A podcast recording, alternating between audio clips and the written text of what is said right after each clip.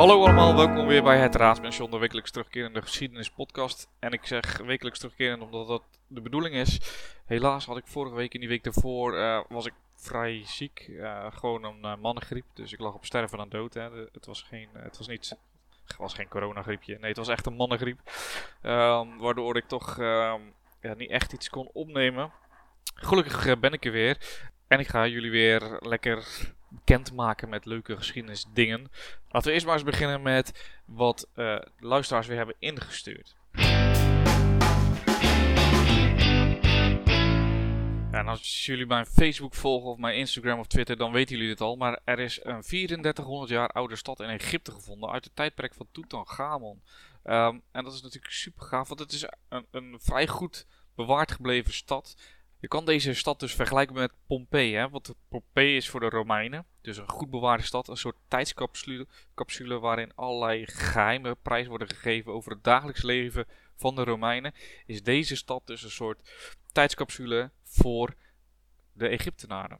Er zijn allerlei mooie dingen ontdekt in deze stad. He, er zijn heel veel constructies gevonden met complete kamers vol met uh, dagelijkse gebru gebruiksvoorwerpen. Denk daarbij aan potten, denk daarbij aan ovens, delen van standbeelden. Maar zijn ook uh, bijvoorbeeld ringen en uh, scarabeeën gevonden. En scarabeeën zijn natuurlijk belangrijk in de Egyptische mythologie. En de stad werd meer dan 3400 jaar geleden gebouwd tijdens de heerschappij van de machtige farao Amon-Hotep III. En um, ook Tutankhamon heeft geleefd in die tijd en zouden er ook veel mensen in die stad hebben gewoond. Nou heeft zelf heeft hij niet zo heel veel betekend eigenlijk voor de Egyptenaren. Behalve dan dat zijn graf in 1922 werd ontdekt en dat zijn graf een van de weinige graven waren die echt compleet onaangetast waren door grafrovers. Uh, en daardoor ook nog heel veel schatten bevatten. Dus het is super interessant. Deze stad geeft echt heel veel inzicht weer in het uh, wel en wee van de Egyptenaren.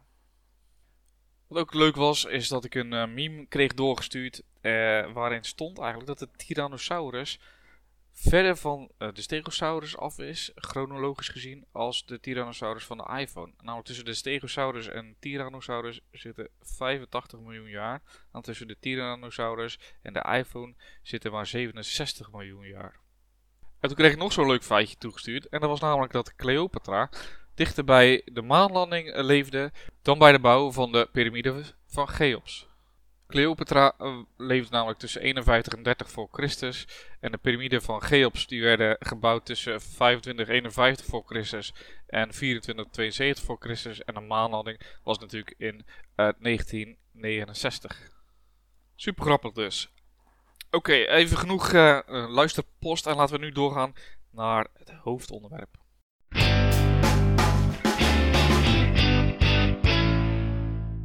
Ik wil het met jullie deze week eigenlijk hebben over het einde der tijden. Hij is door de geschiedenis heen redelijk vaak voorspeld. En ik ben een beetje erin gaan duiken, want nu hebben we natuurlijk weer een pandemie. En mensen gaan nu ook weer zeggen: dit is een uh, straf van God. En we gaan allemaal naar de verdoemenis, corruptie, bla bla bla.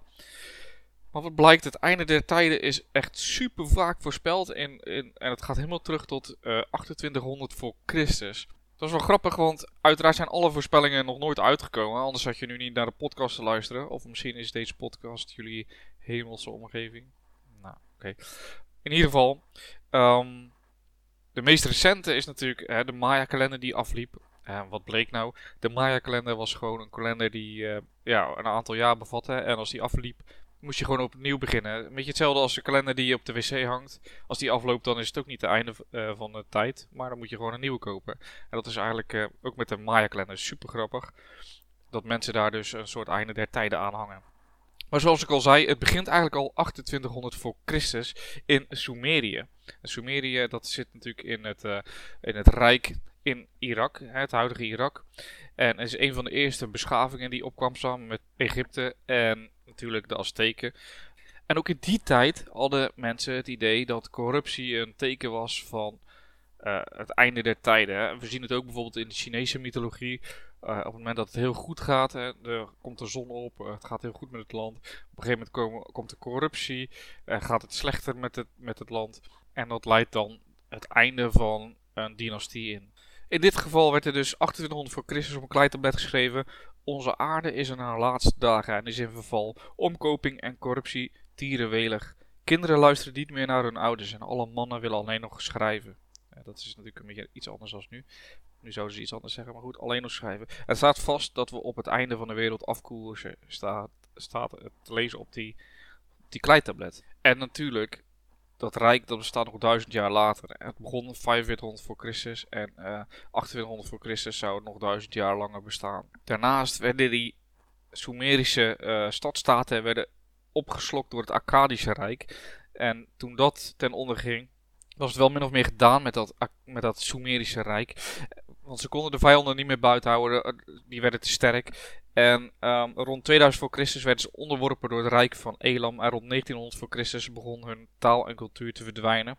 Uh, wel voor goed zelfs, want het zou nooit meer uh, opbloeien. Dus in dat opzicht, opzicht zou je natuurlijk kunnen zeggen, dat is uh, een soort ondergang, hè, het einde van de wereld. Maar goed, de wereld zelf, de aarde, die blijft bestaan. Ook zo'n voorspelling in Rome. En uh, dat, is, dat heeft te maken met de adelaar. De Romeinen wisten namelijk zeker. Als de kalender 120 AUC aanwijst, dan is het klaar. En AUC staat voor Ab Urbe Condita, oftewel sinds de stichting van de stad. En volgens de legende had namelijk de stichter van de stad, Romulus, vanaf Palentijn 12 adelaars aan de hemel gezien. Dus vanaf de berg Palentijn. Die zag hij als teken van de goden uh, dat hij de grote stad moest bouwen, dus dat heeft hij ook gedaan. Uh, maar die twaalf roofvogels konden volgens hem het ondergang van uh, dat rijk aan, van die stad aan.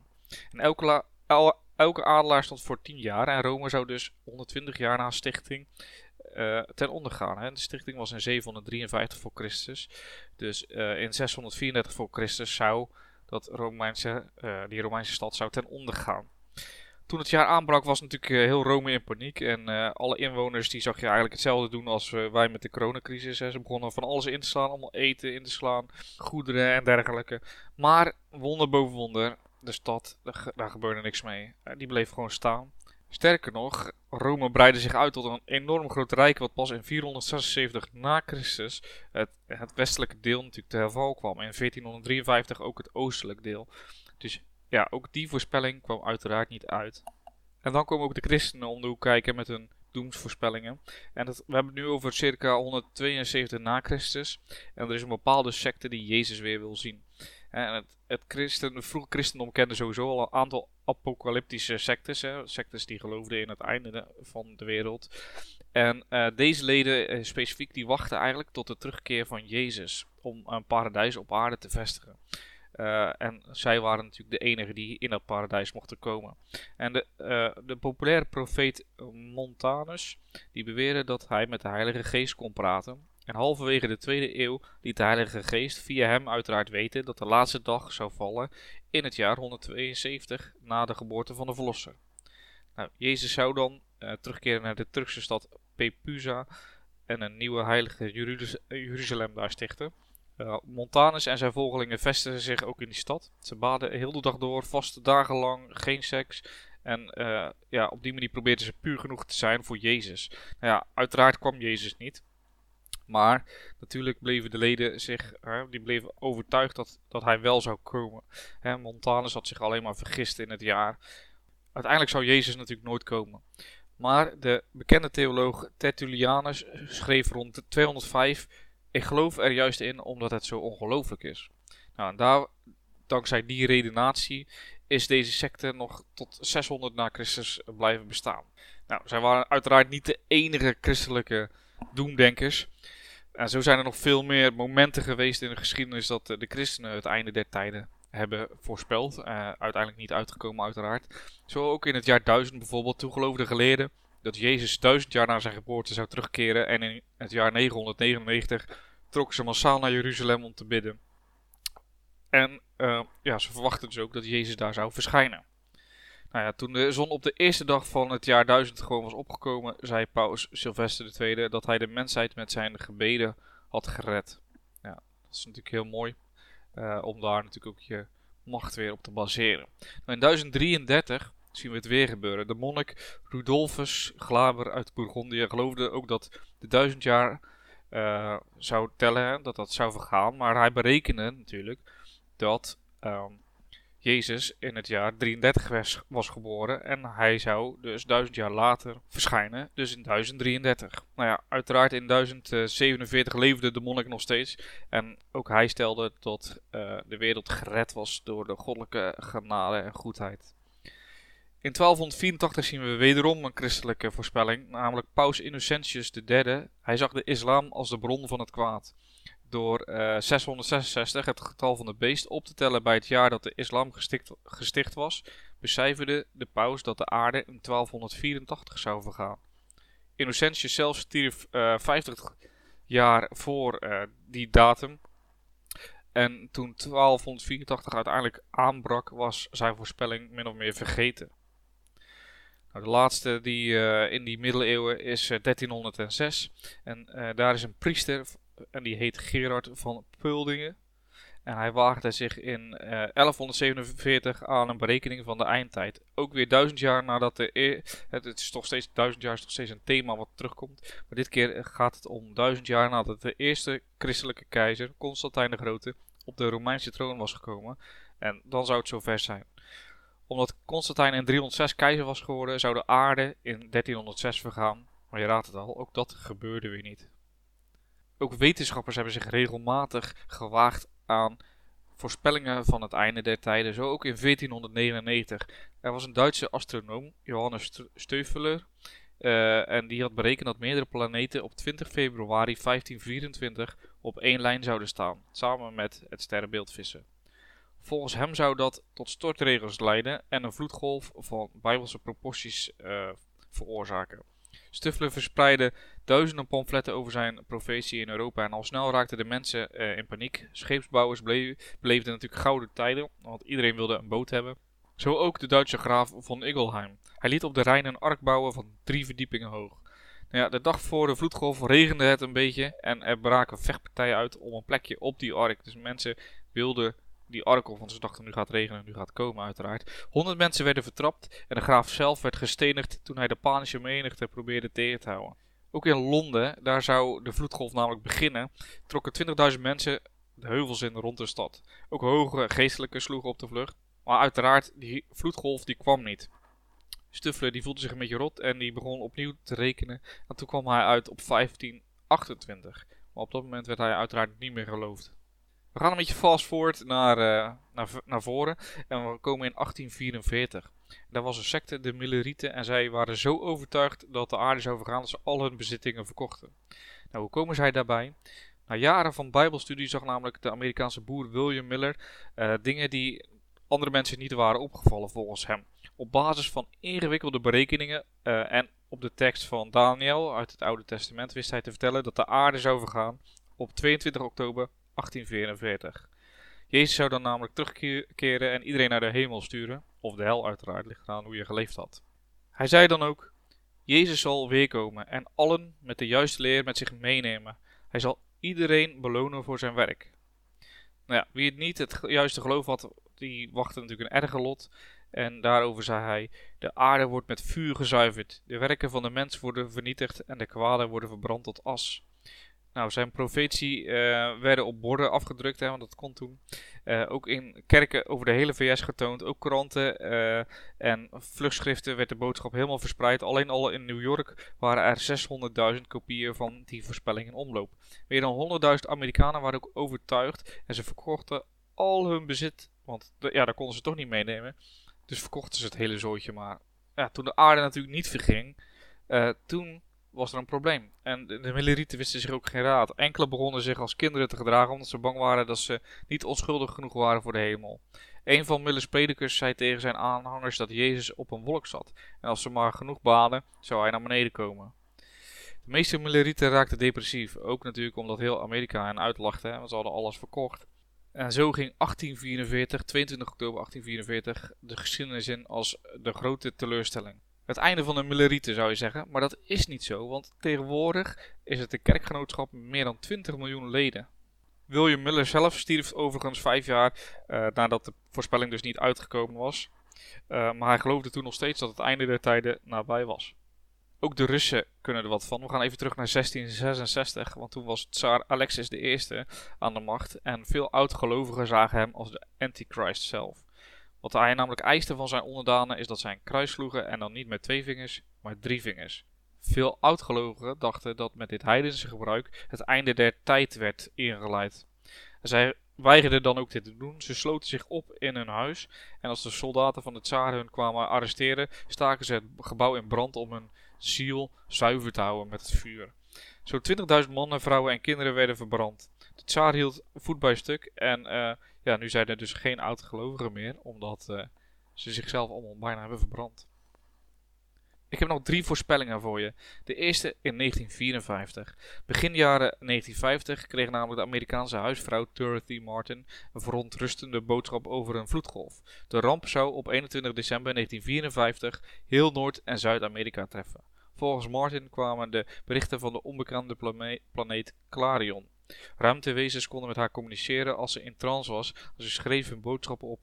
Gelukkig zeiden de wezens ook dat een UFO zou komen om haar te redden. De huisvrouw overtuigde meerdere mensen dat de aarde verloren was en zo begon ze de secte de Seekers. Op 21 december stond de groep om middernacht in de achtertuin van Martin, maar de UFO kwam uiteraard niet opdagen en ook de vloedgolf kwam niet. Een paar weken later viel de secte uiteen. Martin werkte tot haar dood in 1992 als helderziende. Dus. Ook een groep gelovigen die het heel vaak heeft voorspeld, heel vaak gelukkig fout, zijn de Jehovah's. Zij houden ook vol met, echt, met, met niet minder dan 1, 2, 3, 4, 5, 6, 7, 8 voorspellingen.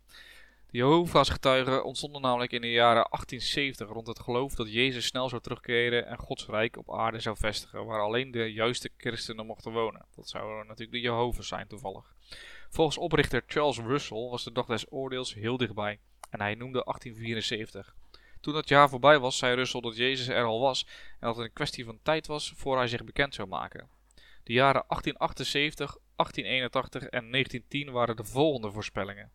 Toen de Eerste Wereldoorlog in 1914 uitbrak, stond het als een paal boven water dat het einde nabij was. Maar er kwam een eind aan de oorlog en niet aan de wereld.